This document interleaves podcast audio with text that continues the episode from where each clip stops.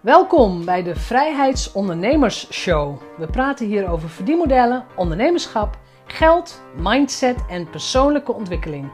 Ik ben jouw host, Jeanette Badhoorn, bedenker van het merk Vrijheidsondernemers, auteur, organisator van de Transatlantische Ondernemerscruise en online pionier. Welkom, aflevering 138. Vandaag gaat het over stress en burn-out. Misschien uh, niet een fijn onderwerp. Mijn gast van vandaag, Bianca Meijsen, weet alles van stress en burn-out. Niet alleen uit eigen ervaring, helaas ook eigen ervaring, maar ook omdat zij zich al jarenlang vastbijt in wat het nou precies is. Waardoor komt het dat de een daar gevoeliger voor is, de ander niet? Wat zijn de triggers? Waar moet je op letten? En hoe voorkom je dat je, dat je, dat je in die valkuil trapt? Dus het is misschien, um, nou ja, niet zo'n fijn onderwerp, maar het is een super nuttig en nodig onderwerp. Want er ligt gewoon veel op ons bordje. Als vrouw, als moeder, als ondernemer, als mens, als mantelzorger, er kan van alles komen. Dus um, ja, ik zou, ik zou bijna zeggen, school je bij. Maar laat ik, laat ik voor jou hopen dat het een nuttige aflevering is waar je ook echt concrete tips uit haalt. Want we gaan tien stappen door om ook burn-out te voorkomen en te herkennen. Zodat je weet wanneer je op tijd gaat ingrijpen. En eigenlijk nog veel beter is, zodat je er gewoon nooit meer gevoelig voor wordt. Veel luisterplezier. Vandaag Bianca Meijsen, welkom. Dankjewel. Dankjewel dat ik erbij mocht zijn vandaag. Ja, het is, het is sowieso heel erg leuk. Want ik, natuurlijk heb ik je ook gegoogeld en wij kennen elkaar een heel klein beetje. Ja, zeker. Gegoogeld en dan komt er gelijk uh, meer dan mama komt boven. Uh, en het woordje burn-out komt boven. Klopt. Ja. Uh, en als je dan nog een door, iets doorspit, komen er wel meer dingen. Maar dit waren dingen die opvielen. En ik weet dat je een boek geschreven hebt. Ja, ik zal hem gelijk even in de picture laten zien. Ja, in zo'n mooie... Droomleven na een burn-out. um, daar wil ik het ook heel graag over hebben. Zeker over wat zijn nou die tien stappen en waar moeten we nou allemaal met z'n allen op letten om te zorgen dat we niet naar die burn-out afgrond gaan, om het zo te zeggen. Ja. Maar gewoon eens bij het begin beginnen. Hoe zou jij jezelf voorstellen als wij nu bij een netwerkmeeting zouden zijn? We kennen elkaar niet. Wat zou je tegen mij zeggen? Ja, die vind ik uh, uh, lastig, want ik heb echt zoveel verschillende pitches en het is zo afhankelijk van waar ik ben en met wie ik ben, wat ik ga vertellen, zeg maar.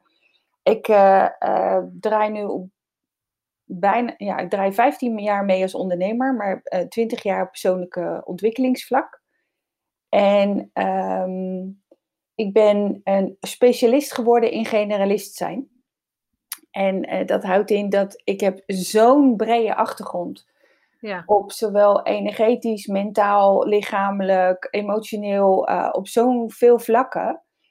Um, dat ik specialist ben geworden om dingen aan elkaar te kunnen koppelen. En te ja. kunnen zien van, oké, weet je wat, in dit stukje heb jij het meeste aan.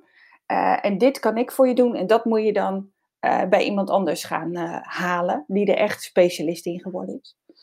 En um, ja, als, als persoon um, kom ik over het algemeen heel extravert over. En uh, ja, uh, ik raak daarentegen heel snel overprikkeld. Dus ik heb heel veel me-time nodig. Dus het is, het is, alles is een beetje, zeg maar, soms ook in contradictie, in, of tegenstellingen, niet eens contradictie, maar vooral in tegenstellingen van, ja. uh, van mij als persoon, dat ik veel achtergrond en veel kennis te bieden heb daardoor. Ja, en dat van het overprikkeld zijn, wist je dat vroeger van jezelf? Nee, totaal niet. Ik, uh, um, als ik terugkijk, dan is alles te herkennen natuurlijk. Maar uh, ja. als kind zijn had ik daar totaal geen idee van. Ik heb twee ouders die enorm veel behoefte hebben aan constant op bezoek te gaan bij mensen, om mensen om zich heen te hebben. En ik zat het liefst alleen op mijn kamertje en had helemaal geen interesse in het uh, met mensen allemaal omgaan. En ja, je gaat mee en dan vind je het gezellig. En uh, dat was allemaal niet zozeer het probleem. Dus ik, en, en uh, wat ik zeg van, um, ik ben aanwezig. Dus ook al ben ik niet in eh, ehm, in de moed om in verbinding te komen. Op het moment dat ik een ruimte binnenkom, dan zien mensen mij toch, ook al wil ik het niet. En eh, dus ik dacht ook echt van, dit hoort bij mij, dat extraverte. En dan heb ik ook nog eens een hele harde stem. En die je ook echt overal hoort. Mijn lach kun je ook altijd overal horen. Ja. En, dus ik was ook eigenlijk echt van de overtuiging van ik ben een extravert persoon en uh, ik, bijna, ik moet het leuk hebben om met iedereen om te gaan en bij iedereen aanwezig te zijn. Ja. En het is eigenlijk door de burn-out pas in 1999 ben ik tot een dekking gekomen van, ho, wacht even. Um, er is een reden waarom ik tijd voor mezelf nodig heb. Er is een reden waarom ik echt zoiets heb van jongens, uh, ik hou van jullie, maar nu even niet. Maar ik hou nog veel meer van mezelf. Ja, precies. Hoe oud was jij toen jij je eerste burn-out kreeg? Uh, 29. 29, dat is heel jong hè? Ja, dat is heel jong. Ja, tegenwoordig helaas zijn ze nog jonger. Uh, maar uh, toen de tijd was het ook nog helemaal niet bekend. Het was echt nee. zo'n zo'n, ik, ik, die zin die herinner ik me echt tot op de dag van vandaag nog, dat mijn dokter tegen mij zei, eh, letterlijk zei, het is een nieuwe tijdziekte die tussen je oren zit. Nou ja, mhm. daar heb ik zo ook mijn mening over. Maar goed, dat was toen de overtuiging die er heerste. Ja. En um, ja, het was misschien ook wel mede ingegeven, en ik denk dat veel mensen van rond de 30 dat gaan ervaren, of hebben ervaren, dat dat ook een periode is waarop je zoiets voelt, uh, à la doe maar, is dit alles? Uh, is dit wat ik wil? Wil ik het zo kort dan uh, de rest van mijn leven leven? En ik denk dat die ook meespeelde voor mij in die periode, waardoor op een gegeven moment het ook echt het, ja, het emmertje te overvol raakte. Beschrijf eens in jouw eigen woorden wat een burn-out is. Ja, dat is voor mij niet per direct wat ze dan ook zeggen uh, volgens de DSM-5. Dat is dan uh, wat aangehouden wordt voor de omschrijvingen vanuit de zorgverzekeraars en zorg bekeken. Mm-hmm. Daarvanuit is, heeft het eigenlijk maar drie kenmerken. Het moet werkgerelateerd zijn, je moet zwaar oververmoeid zijn en depressief neigingen hebben. Dat is eigenlijk de basis wat er van burn-out is. Alleen als je het aan mij vraagt, gaat dat veel verder. Um, ja. Het is namelijk uh, um, overspannen. Um, om het maar even zo te zeggen. Overspannenheid kan je in principe binnen een paar weken van herstellen. En ja, dan moet je het even rustig aan doen, maar dan trek je wel weer bij. Bij een burn-out zijn er in mijn beleving ook echt uh, dingen doorgebrand. Dus zowel lichamelijk als mentaal. Ja, fysiek en mentale klachten. Ja, ja, absoluut. Ja. En dat zijn die dingen die mensen beschrijven als ik kan me niet meer concentreren, ik slaap slecht, uh, ik moet overal om huilen. Of... Eh, ja, dat maakt een burn-out ook zo lastig. Het zijn ook allemaal van die vage klachten die je dan hoort, uh, die iedereen wel eens last van heeft. Uh, maar het is die verzameling aan al die klachten en de hoeveelheid ervan en de intensiteit daarvan. en dan heb je ook nog hyper- en hypo-burn-out en alle variaties tussen. Het komt er in ieder geval op neer de meest ergste, voor zover je het gradatie kan zeggen, is degene waarin je ook echt niet meer van de bank afkomt. Ja. Dus uh, uh, je komt je bed ook bijna eigenlijk niet meer uit. Zeg je? Maar zijn er, dingen, zijn er dingen in je lichaam ook meetbaar? Bepaalde bloedwaarden of ja. weet ik ja. veel wat? Het is wel meetbaar, maar vraag me niet precies hoe. Um, ik weet wel, we hebben allemaal van die kacheltjes, noem ik ze dan maar, in ons lichaam, die ervoor zorgen dat de energie aangejaagd wordt, die, uh, die zijn ook letterlijk doorgebrand. Maar dan moeten ze ook echt op celniveau gaan onderzoeken dan. En dat is natuurlijk veel te kostbaar, dus dat doen ze ja. niet. Maar de gevolgen daarvan zijn natuurlijk wel meetbaar. Ja. Maar dat kan ook zoiets zijn als het hoge bloeddruk of een te snelle hartslag. Dus, en dat is niet dat je zegt van oké, die meting maakt een burn-out. Weet je, het, het nee. zijn allemaal weer die hoeveelheid verschillende klachten die maken dat je zegt dat is een burn-out. En tegelijkertijd ja. maak ik daar ook de kanttekening bij. Mede door al die vage klachten zijn er ook heel veel misdiagnoses. Dat uh, depressie is er ook eentje van die er tegenaan hangt. PTSS, die, uh, weet het, uh. Er zijn ja. zoveel ziektebeelden die er tegenaan liggen. Het is heel dun. En die eigenlijk allemaal met elkaar te maken? Ja, ja in, in basis wel. Maar dat wil niet zeggen dat als je een burn-out hebt, dan ben je depressief. Of als je depressief bent, dan krijg je een burn-out. Weet je, het nee. is niet één op één hetzelfde. Het kan zijn dat wij over 10, 15 of, of misschien nog veel meer jaren een veel betere definitie van dit soort dingen kunnen geven. Ik hoop het. Ik hoop het oprecht. Het is wat je zegt, het is, het is nog nieuw. Het is, nog nieuw en het is heel verwarrend voor mensen. Wanneer heb ik nou een burn-out? Of eh, zelfs ook voor de, uh, uh, de specialisten. Van wanneer is het nou een burn-out en wanneer is het nou wat anders? Ja. Wat zijn de grootste risicofactoren? Voor, en de meeste mensen die naar deze podcast luisteren zijn ondernemer. Ja. Gemiddeld vrouw en gemiddeld tussen de 35 en de 55 jaar. Ja. Dus er zitten absoluut wel risicoprofielen tussen, vrees oh, absoluut. absoluut. Ja. Dus waar moeten we op letten met z'n allen? Nou, als ik het gewoon puur heb over ondernemerschap aan zich. En dan kan ik mezelf daar natuurlijk ook als voorbeeld in gebruiken. Wat je, je hebt, ehm, er is niemand die over het algemeen tegen je zegt tot hier en niet verder. Dit is de grens, hier moet je stoppen. Uh, het is tijd nu, ga naar huis, doe de deur dicht, klaar. Dus voordat je het weet ben je 27, 7 dagen in de week, 24 uur per dag met je onderneming bezig. Het is ook superleuk, het is ook iets wat je graag doet. Dus dat is meestal dan ook waarin, uh, waarin de grenzen vervagen. Um, en dan, voor je het weet, ontstaat er als ondernemer dat alles even belangrijk is.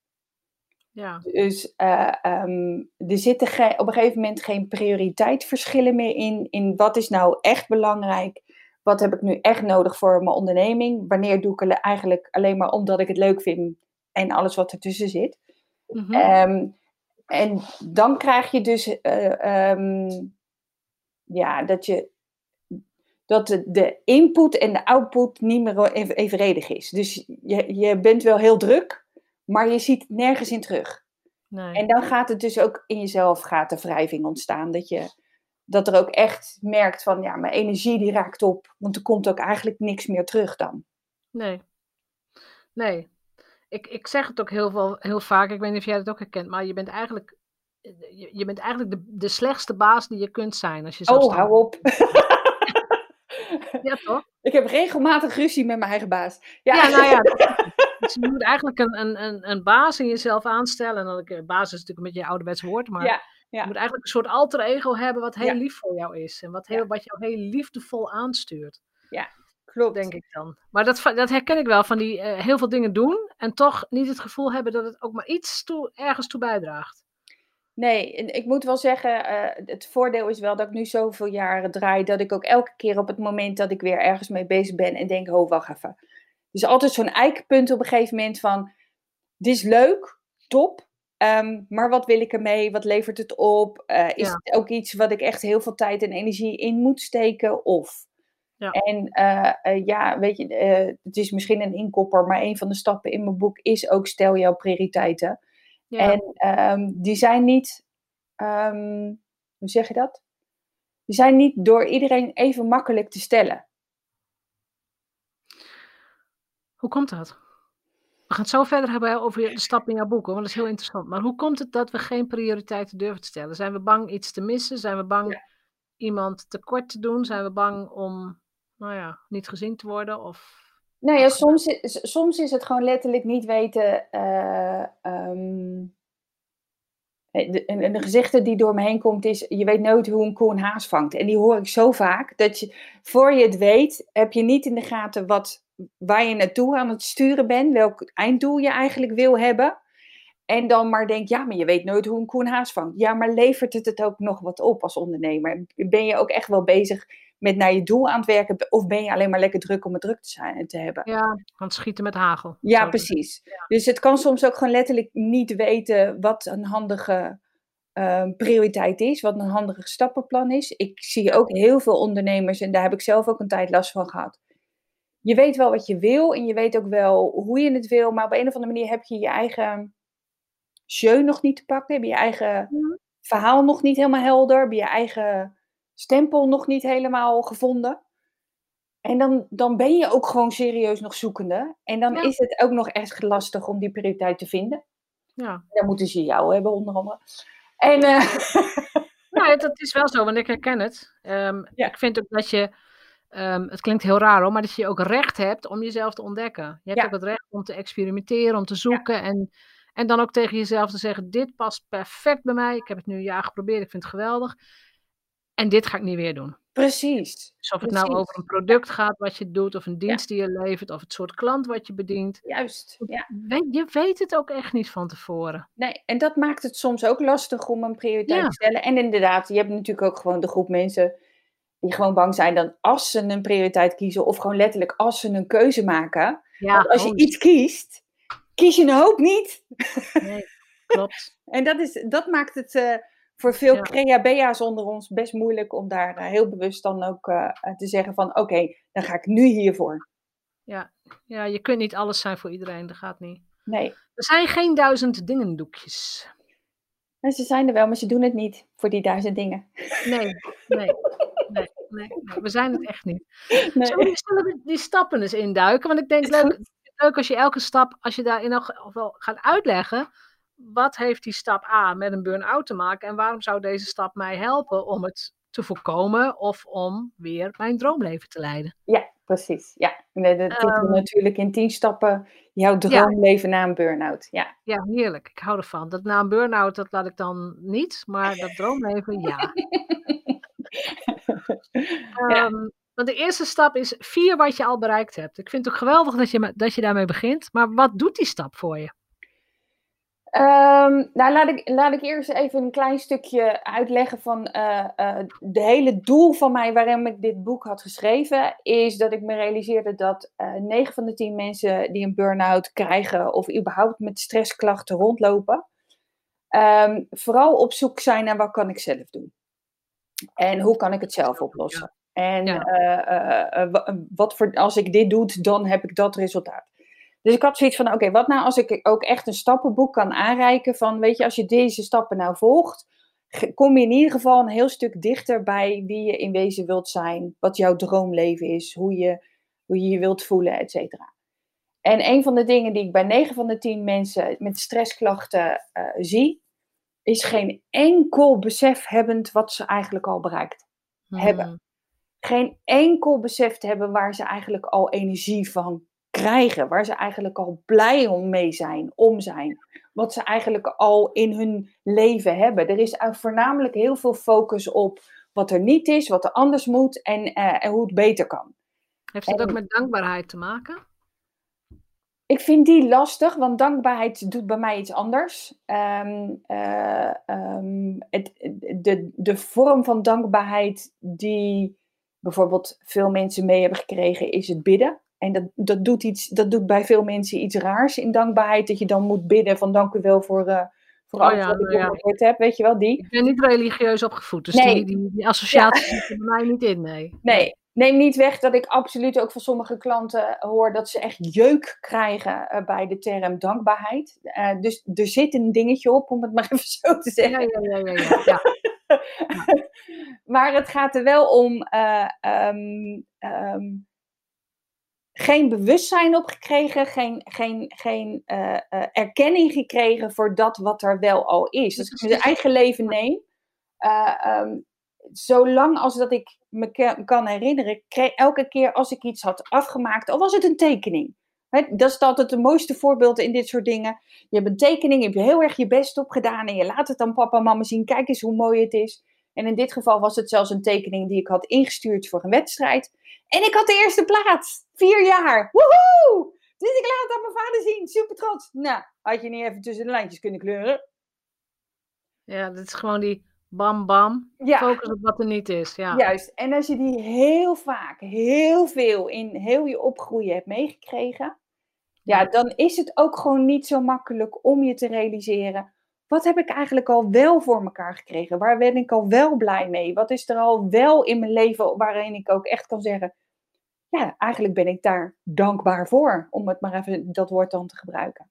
Ja, nou ja, je mag een ander woord gebruiken hoor. Maar bij mij is het inderdaad de associatie van, um, ja, wat ze in het Engels zeggen: count your blessings. Absoluut. Wees, wees, blij dat het zonnetje schijnt. Wees blij dat de verwarming in doet. Dat er water uit de kraan komt. Uh, gewoon hele simpele dingen. Ja, absoluut. We vergeten zoveel van wat, we, wat wij gewoon hebben. Ja, en misschien is dat ook wel uh, het eerste ingrediënt waarom mensen wel of niet in een burn-out terechtkomen. En dat weet ik niet. Dat is gewoon even een inkopper die ik dan nu ook uh, maak. Zo van gewoon niet meegekregen hebben, niet geleerd hebben, niet de, de, focus erop hebben van wat je al wel bereikt hebt. En als je dus alleen maar bezig bent met wat er niet is, wat je niet uh, voor elkaar hebt gekregen en waar je nog allemaal moet doen, um, ja, dat is natuurlijk al alleen al een energielek. Ja, ja, voor mij is dat een eenrichtingsweg naar, naar, naar een burn-out of naar ongelukkigheid. Ja, laat ik absoluut. het zo zeggen. Ja, precies. Want er is altijd iets wat je niet hebt. Gewoon altijd. Altijd. ja. Goh, ik heb geen lang blond haar of weet je. Nee, natuurlijk heb ik dat niet. Weet je? Zo. Ja, precies. Dus, dus daar kan, kan zeker wel een kern in zitten dat dat, dat een ingrediënt is wat maakt waarom mensen wel of niet zo ver komen. Ja. En dat is misschien ook wel mee de reden waarom ik het als stap 1. Voor mij was het echt puur een ingeving onder de douche, deze tien stappen. Ja. Maar ik had wel zoiets van: dit is wel, denk ik, de eerste stap voor überhaupt herstel en weer terug in je energie komen. Ja, gewoon voor een fijn leven. Ja. Vind ik ook, ja. Absoluut. Ja. ja. Ja. Um, nou, dan gaan we door met de stappen. Stap 2, accepteer de veranderingen. Ja, dat is, uh, um, zo begint ook eigenlijk het hoofdstuk. Als, uh, als mensen dat, uh, dat lezen of dat van mij horen, dan worden ze eigenlijk wel een beetje pist. Ja. Nee, die doen we niet. Nee, ja, en toch is het een hele belangrijke en daarom mede stap 2 genoemd. Um, wat ik heel vaak zie, vooral mensen die een burn-out krijgen, is dat de behoefte en de wens om gewoon weer te gaan doen wat ze daarvoor deden, heel groot is. Maar dan ook echt heel groot. En het, het, het, het hele herstelproces begint eigenlijk pas na de acceptatie dat het gewoon niet meer kan gaan zoals je het deed. Je hebt niet voor niks een burn-out gehad. Nee, want als, als je het niet accepteert, ga je dan rechtstreeks naar de tweede burn-out? Nou, misschien niet rechtstreeks, maar de kans erop. Nou ja, mijn omweggetje dan, maar. Ja, precies. Ja. De kans erop is denk ik wel groter, ja. En dat is ook mede de reden waarom die er staat. En dit, dat is ook waarom ik het boek uiteindelijk geschreven heb. Ik verbaasde me serieus over het feit dat ik op een gegeven moment hoorde dat mensen een tweede, derde of soms zelfs al een vierde burn-out kregen. Dat ik zoiets had, oké, wat doe je dan? Wat gebeurt hier? Er, is iets niet handig in je herstel of in waar, waar je focus op. Ik weet het niet. Er is iets onhandigs in wat je doet. Ja. En, um, um, wat, en nu ik dit boek heb uitgedaan, ik heb natuurlijk steeds meer met mensen gesprekken erover. Ja. Hoor ik ook steeds vaker dat het accepteren dat je niet meer dezelfde bent. En dat je ook dus niet meer alles hetzelfde kan doen wat je voorheen deed. Dat dat echt een enorm rouwproces op gang zet. En als je hem omkeert naar ehm, dat je gaat vieren dat het niet meer hetzelfde is?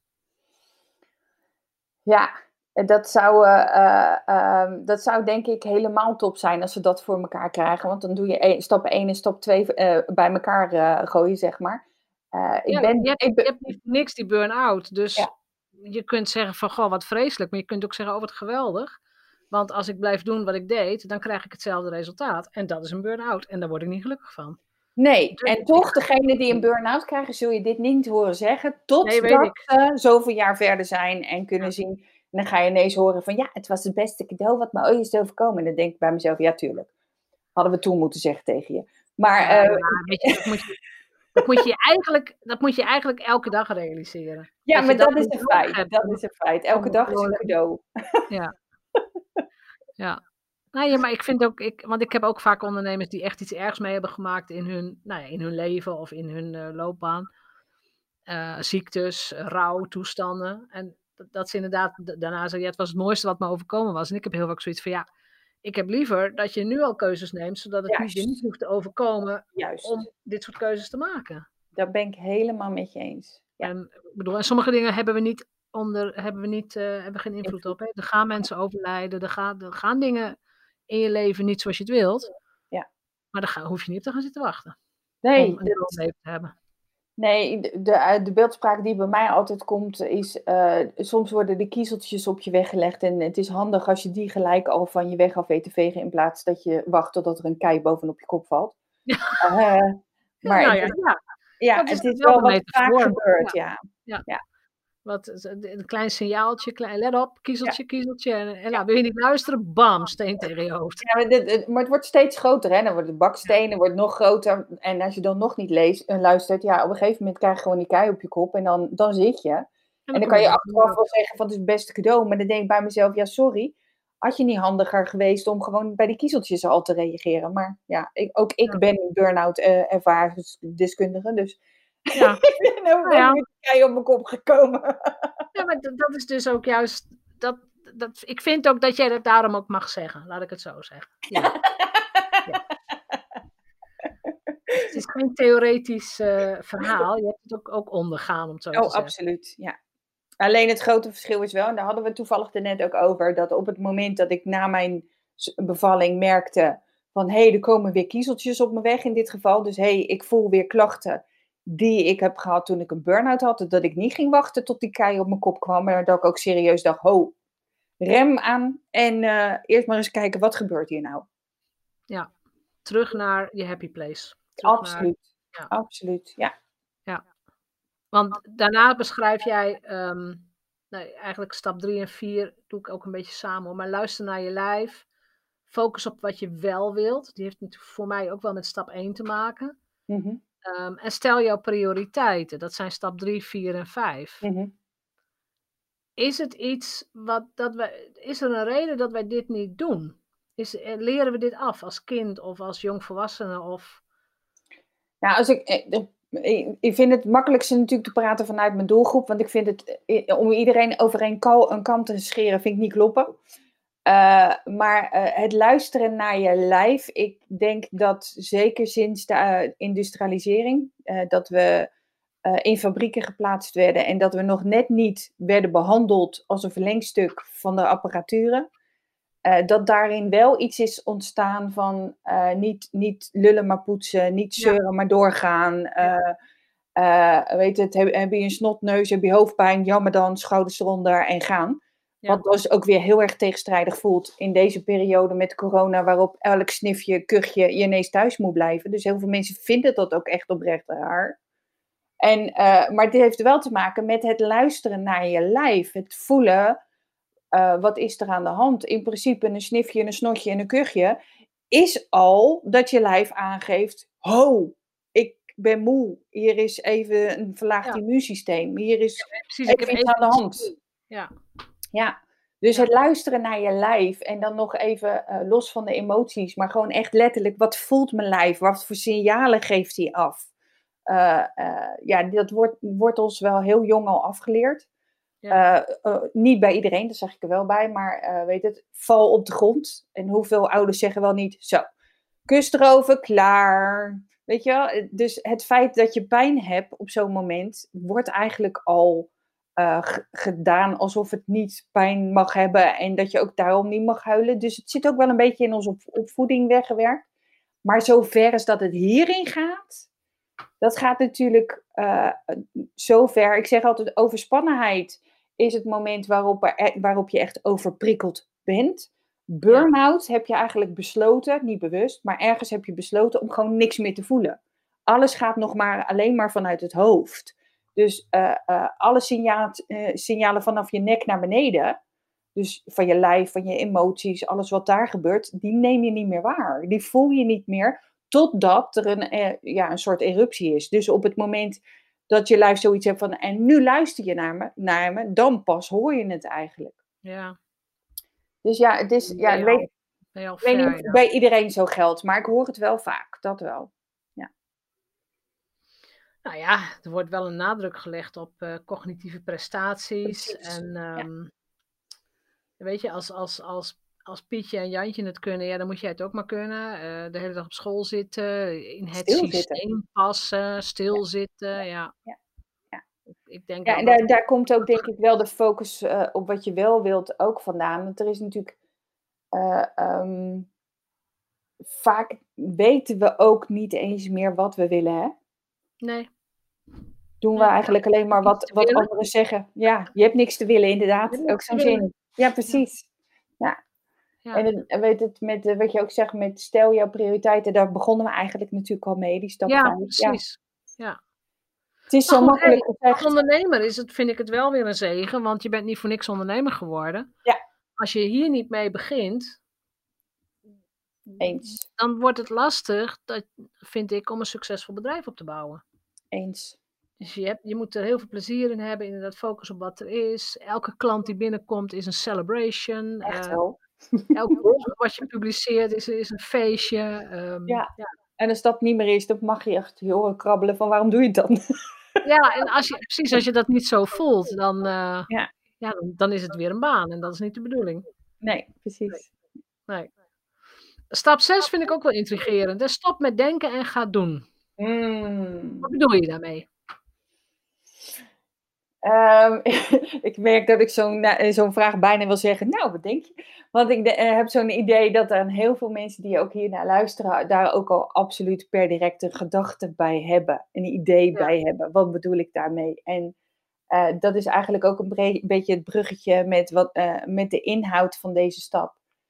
En eh, ook weer voornamelijk gericht op mijn doelgroep, is dat ze zo gewend zijn om alles cognitief op te lossen Ja, om alles van tevoren te overdenken. Eh, eh, ik heb toevallig van de week nog een blog over gedeeld van dat je op een gegeven moment ben je zo getraind geraakt om van tevoren na te denken over wat je mogelijk wellicht in de toekomst zou kunnen gaan overkomen.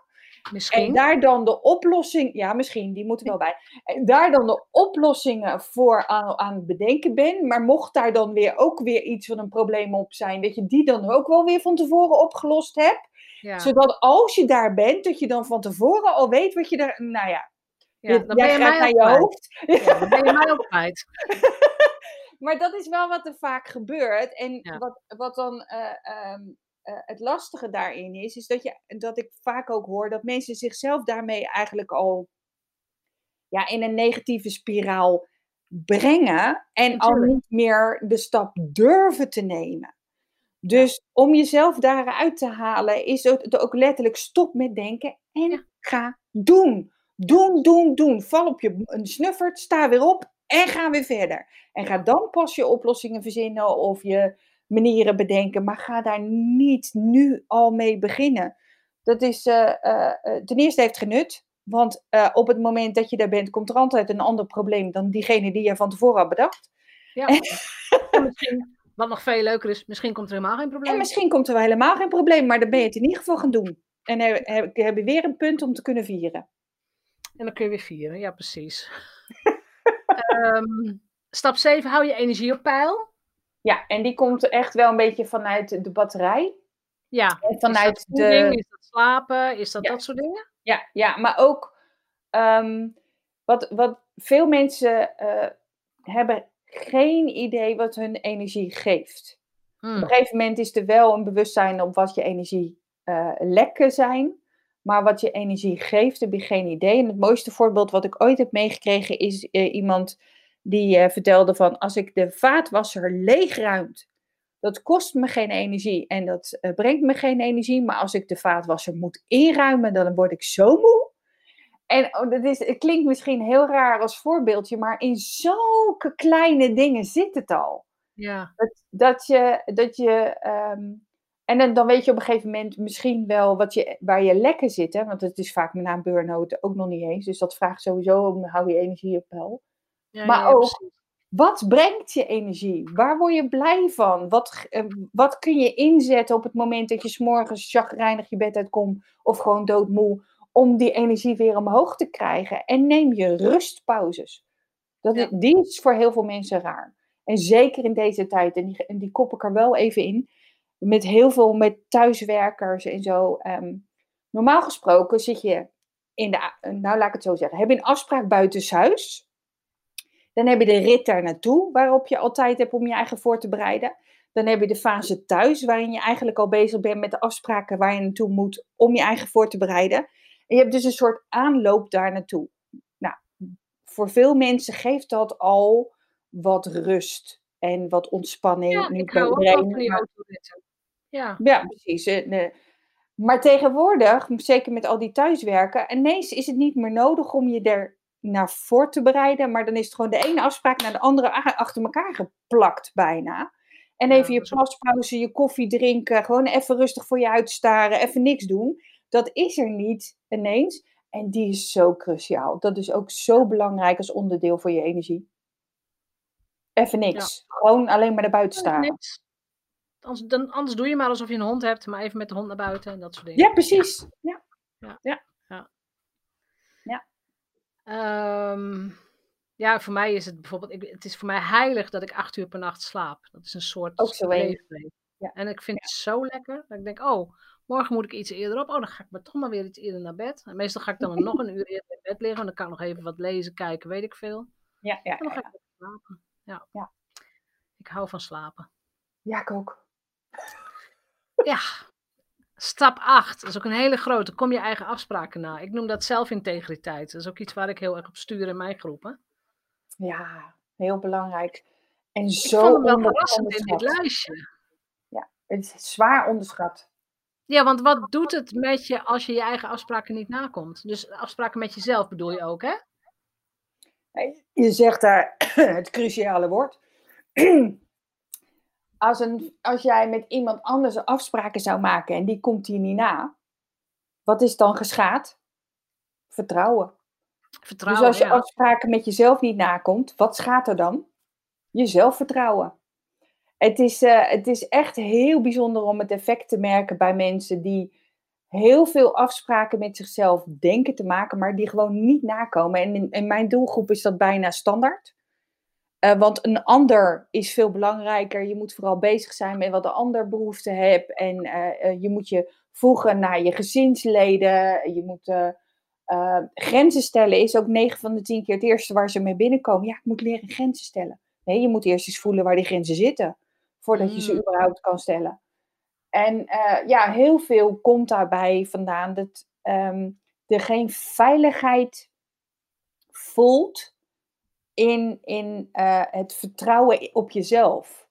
Dus uh, je bent, als, als jij al niet te vertrouwen bent met de afspraken die je met jezelf aan het maken bent, hoe lastig is het dan om ook te gaan voelen wanneer iemand over jou grenzen heen gaat, of jou, met jou de afspraken niet nakomt, of er weer een lading bijgooit. Het, is, uh, um, het heeft op zoveel vlakken impact. Dat wordt zwaar onderschat.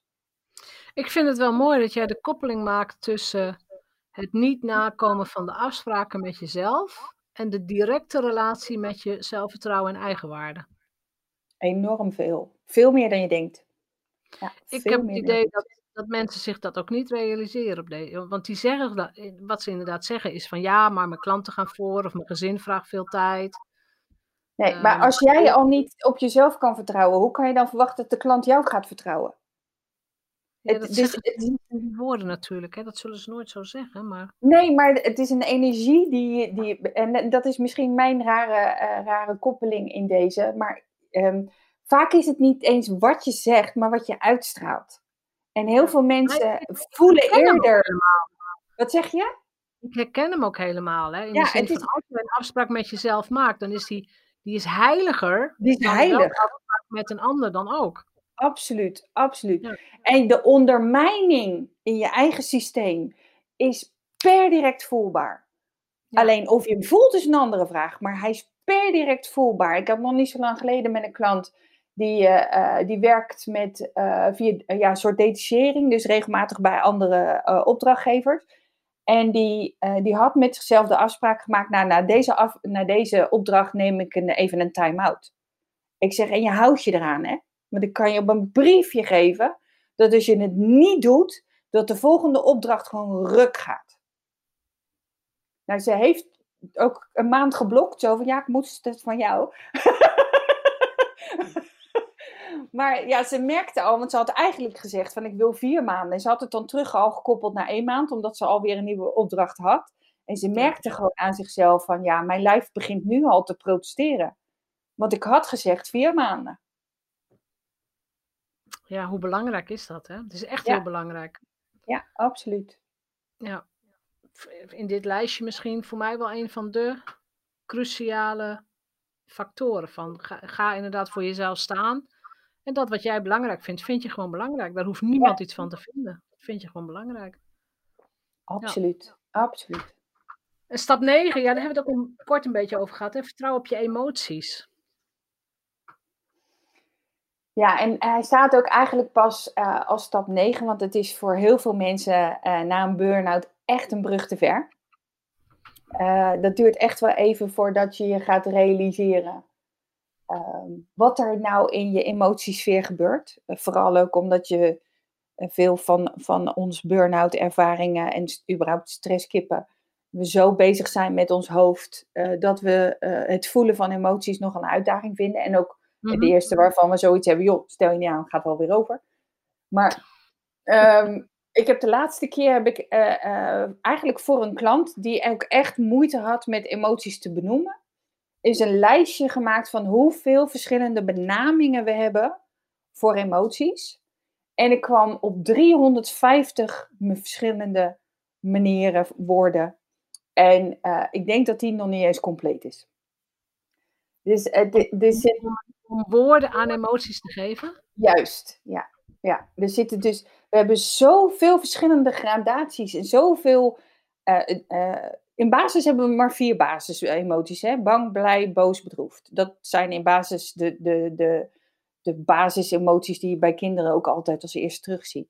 Ja. Maar er zijn zoveel verstrengelingen in, in, de, in die vier emoties, maar ook heel erg afhankelijk van hoe we naar een situatie kijken, of dat iets weer bij ons triggert uit wat we vroeger hebben ervaren. En, en er zitten, ehm, en dan heb ik het nog niet eens over uh, de intuïtie die er doorheen zijpelt, waar we ook zo slecht vaak naar luisteren. Dus uh, um, ja, weet je, er zit veel meer in. Ik zeg altijd, emoties zijn eigenlijk je navigatiesysteem. Jij geeft aan waar je heen wil. En je navigatiesysteem zegt hier, ho, naar rechts, want anders ga je de file in. Nee, dit, nee hier moet je naar linksaf, want dan, uh, het is een iets langere weg, maar dan kom je wel op de goede, goede punt uit, weet je. En je emoties zijn daar echt een perfect signaal voor. Nou ja, dit alleen al, uh, weet je, eigenlijk staat die niet in het hoofdstuk, maar dit alleen al, weet je, dit is zo'n mooi signaal, vind ik altijd. Wat gebeurt er op het moment uh, uh, dat er iets glitcht of wat dan ook. Wat gebeurt er dan, uh, wat klopt er dan niet op dat moment voor jou? En buiten, binnen, nou ja, goed. Dus dit ja. is weer een heel ander verhaal dan waar we, waar we het over hadden, maar goed. Um, nou ja, wat, ehm, ik, wat ik je nog wel wil vragen, want um, kijk, ik ben business coach, ik begeleid ondernemers naar volgende stappen. Hè, next ja. level. En, en ze moeten vaak dingen doen, of hey, ze moeten niks. Ze willen vaak dingen met mijn begeleiding doen om inderdaad een volgende stap te maken. Dus het kan zijn dat iemand voor het eerst een webinar gaat geven, of iemand gaat op een podium staan, of uh, die gaat een boek schrijven. En nieuwe dingen roepen heel vaak angst op. Altijd. Het is, het is eng. Ja. En in mijn beleving, weet je, als er, als er angst komt, kun je twee dingen doen. Je gaat er naar luisteren en je doet niks meer. En nou ja, misschien denk ik heel simpel, maar dat is volgens mij de reden dat mensen hoogtevrees, weet ik veel vrees, enzovoort vrees krijgen. Van oeh, ik ben bang voor spinnen. Nou ja, de spin wordt in je hoofd steeds groter. Dat is mijn simpele koude grondpsychologie gedachte. Maar als ondernemer moet je ook accepteren dat dingen angstig zijn. Je praat met die angst of je waardeert die angst. Wat fijn dat je me wilt beschermen. Juist, misschien die is heel belangrijk. Misschien moeten we die nog ja. een keer herha herhalen. Dank je wel dat je me wil beschermen. Het is, het is een beschermingsmechanisme ja, om, jou, om jou geen pijn te doen, om jou niet, nou ja, dat je niet afgaat of gekwetst wordt of weet ik veel. Maar weet je, een eerste webinar geven of de eerste keer een Facebook Live, ja, dat is, dat is gewoon eng. Absoluut. Maar, maar ja, mensen in mijn groep zeggen, ja, we gaan hem wel doen. Desnoods gaan we je begeleiden, we gaan, gaan je helpen, we gaan kijken hoe het beter kan. We gaan hem wel doen. Dus je moet ook, denk ik, niet te gemakkelijk je verschuilen achter emoties in de zin van, ja, maar oh god, ik ben er bang voor, dan hoef ik helemaal niks. Snap je wat ik bedoel? Dus ja, waar, snap ik wat je bedoelt. Nou? Ja, nee, weet het, voor mij, voor mij uh, um, um, er gaan even een paar gedachten door me heen, die, waardoor ik even woorden probeer te vinden van wat ik nou wil zeggen. Dit, um, denk dat we dat allemaal wel eens hebben, dat je er op een gegeven moment allerlei gedachten zet. En hoe gaan we die nou weer eens even in één zin uh, voegen? Um, want er, er, gebeuren in basis uh, een paar dingen. En wat ik zeg, de, de basisenergieën zijn natuurlijk bang, blij, boos, bedroefd. Die hebben we allemaal en alle gradaties daarvan. En waar jij naar verwijst, is ook de gradaties waar we het eigenlijk over hebben. Um, om uh, even de meest makkelijke te gebruiken. We hebben allemaal wel eens momenten van frustratie. En uh, dan kan je zoiets hebben van, uh, um, daar luister ik niet naar en ik moet het gewoon doen. en schouders eronder en doorgaan. Maar je kan ook zoiets hebben, oké, maar wat specifiek frustreert me dan? Wat, ja. wat gaat hier dan niet naar mijn zin, om maar even iets te zeggen? Ja. En dat geeft je weer informatie. En dat maakt dan weer dat je kan kiezen, ga ik hier rechtsaf, linksaf, rechtdoor, of maak ik even een, een rondje op de rotonde en doe ik de volgende afslag. En, dus je, neemt, uh, je, neemt, afstand van jezelf eigenlijk. Ja, je helpt jezelf even, ook echt even te luisteren naar, maar wat, wat willen mijn emoties me nou zeggen? En hetzelfde geldt voor angst. Tuurlijk heb je ook angst die zegt stop, ho en niet verder. Maar in basis, hoe wij nu leven, um, is die angst die we mogelijk voelen niet in verhouding tot wat, hoe we hem neerzetten. Klopt. En uh, hij is in, uh, weet het, um, uh, wat was het nou? Excitement en, en, en, en, en fear. Het, weet je, in, als je gewoon puur naar de lichamelijke aspecten kijkt, zijn ze allebei precies hetzelfde. Op één ja. ding anders. En is je ademhaling. Voor de rest zijn ze precies hetzelfde. Verhoogde ja. hartslag, zweet in je handen, uh, bij je ogen, noem ze allemaal maar ja. op. Het is de lading die je eraan geeft. Het is absoluut de lading. En het is, wel, het is echt wel van uh, je eigen veiligheid zien te vinden en creëren voor nieuwe dingen doen. En soms is dat gewoon echt simpel doen. En dan pas merken dat je echt er wel tegen kan en dat je het echt wel goed van wordt en dat je er echt wel uh, steeds minder angstig van wordt. Want de angst gaat nooit, never, never niet weg elke keer weer als je iets nieuws doet, komt hij weer. Ja, als je iets nieuws doet, dan is het weer zo van, oh, dit is wel spannend. Maar ja. dingen als Facebook Live of video's, als mensen dat eng vinden, ik zeg, nou, dan ga je er maar eens tien doen. Wordt vanzelf makkelijk. Ja, je lichaam moet gewoon aan die sensatie wennen dat je dat doet en dat je zichtbaar ja. bent en mensen gaan er wat van vinden. En god, de techniek vliegt er misschien uit of hè, er gebeurt iets.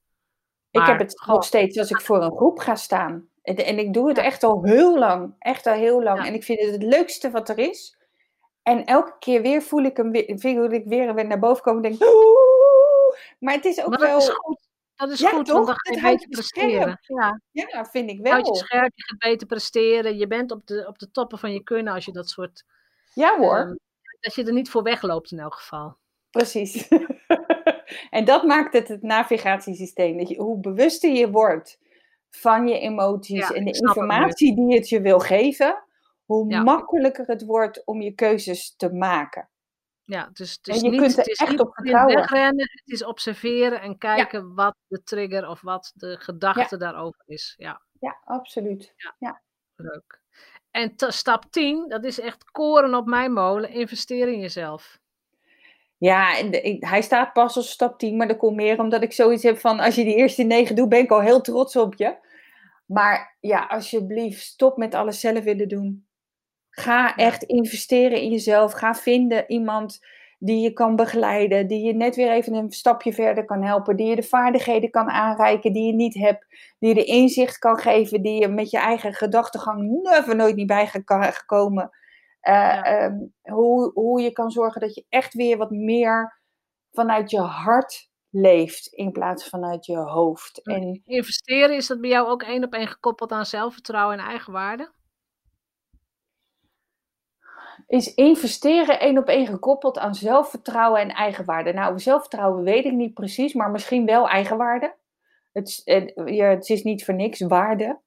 Um, wat vind je jezelf waard? En, en het ja. investeren is niet alleen qua, qua geld, maar ook qua tijd. Het is ook absoluut investeren in jezelf. En uh, ja, dan komen we eigenlijk weer terug op waar we het eerder over hebben. Dat heel veel mensen zichzelf het niet waard vinden of vinden dat anderen het juist meer waard zijn om in te investeren. Of, dus ja, er zit wel, er zit daar absoluut ook wel een, eh, een boodschap onder achter. Ja, absoluut. Ja, en, daar, en daar, daar ga je echt niet in je eentje achter komen. Daar heb je echt iemand Oh anders nee, ook dat, is, in dat, nodig. dat, dat staat ook op mijn tegeltje. Als je het alleen zou kunnen, had je het al gedaan. Precies, helemaal mee eens. Johan Cruijff onder, daar kan mijn naam onder. Als je het alleen Ja, zou hoor. kunnen, had je het al Ja. Al lang. die, zeg ik ook altijd. Ja. Ja. Want de- de- hoe Ja. vaak mijn klanten ook wel niet zeggen van ja, maar dat kan ik zelf toch. Weet je wel, waarom heb ik dit niet zelf bedacht? Of dit had ik zelf kunnen bedenken. Ja, schat, maar da- daar gaat het niet om. Als je het zelf had gekund, had je het al lang zelf gedaan. Al lang, al lang, al Al lang, lang. al lang. Ja. Ik vind het ook wel een mooie afsluiter. Want jij, jij pleit dus ook voor ehm, altijd een extern iemand naar jou laten kijken. Dus zorg, zorg dat je hulp zoekt of hulp vraagt. Of daar waar je niet goed in bent, waar je energie op lekt, besteed het uit. Laat iemand anders lekker floreren daarmee. Ja. Absoluut. Ja, hoe je meer mensen je, ja, hoe meer mensen je in je omgeving als ondernemer dan, om die dan weer even terug te koppelen hebt, Ja. eh, die de expertise uitvoeren die jij niet hebt, hoe meer jij kan zitten in je zone of genius. En daar wil je gewoon Tuurlijk. zitten. Je wil Daar echt je- niet zitten in al die andere dingen waar je niet goed in bent. Nee, nee dat, dat, dat maakt jou niet gelukkig. En, en sterker dat- nog, je ontneemt, je ne- ontneemt ook andere mensen hun geluk. Absoluut. En dan kom je weer terug in prioriteiten. Want wat is dan voor jou eh, de eerste prioriteit waar je de meeste energielek uit hebt om in te gaan investeren? En is te stoppen het allemaal zelf te moeten doen. Ja, ik, eh, ik, ik, ik kan het er alleen maar mee eens zijn. Mag ik jou hartelijk danken voor dit inkijkje in hoe ga je om met, nou ja, niet alleen het voorkomen van een burn-out, het opkrabbelen na een burn-out, het signaleren misschien bij andere mensen, Absoluut. ehm, ja. het signaleren van patronen die jou niet dienen. Zeker ehm, weten. Ja, dus dat sowieso. Waar kan ik mensen naar verwijzen? Heb je iets van een e-book of een videoserie? Heb je, iets, een, heb je een weggever? Ja, ik heb eh, sowieso als je eh, naar gaat een eh meerdanmama.nl slash gratis streepje e-book. Dan eh, kun je de, de, de kennismakings-e-book downloaden van dit boek. In 10 stappen Ja. jouw droomleven na een burn-out. Zet ik in de show notes de link, Ja. ja? En eh, weet het, dan zit je eigenlijk ook gelijk in de FEM-mail. En ik eh, heb nu een 101 dagen challenge waarin ik ook echt elke dag iets deel. Of het nou een filmpje is van mezelf of eh, een, een verhaal of iets van iemand anders. Eh, dus eh, ehm, je, ziet, je, je ziet me dan ook vaker voorbij komen, zeg maar. Ja, ja. En, eh, ehm, dus ja, dat, dat is sowieso wat er op dit moment voorhanden is. Ja, nou, dan zet ik die sowieso in de show notes. Ik zal ook de, de link naar je website, naar je LinkedIn-profiel erbij zetten. Dan kunnen mensen jou vinden. Ja. Maar ik vind dat je mooi en heel nuttig werk doet. Want ik weet Dankjewel. dat de statistieken niet liegen als het hierover gaat. Dus eh, Ja, blijf het gewoon doen. Blijf het doen. Doen we. Dankjewel. dankjewel. Bedankt voor het luisteren naar de Vrijheidsondernemers Show. Geef de show een review op iTunes. Als vrijheidsondernemer werk je waar, wanneer en met wie jij wilt. Dat gun ik jou ook. Ik weet dat het kan. En bij de juiste keuzes is vrijheid ook voor jou mogelijk. Op jouw vrijheid. Oh ja, laat een review achter op iTunes. Abonneer je op deze podcast. En laat mij weten wat je ervan vindt.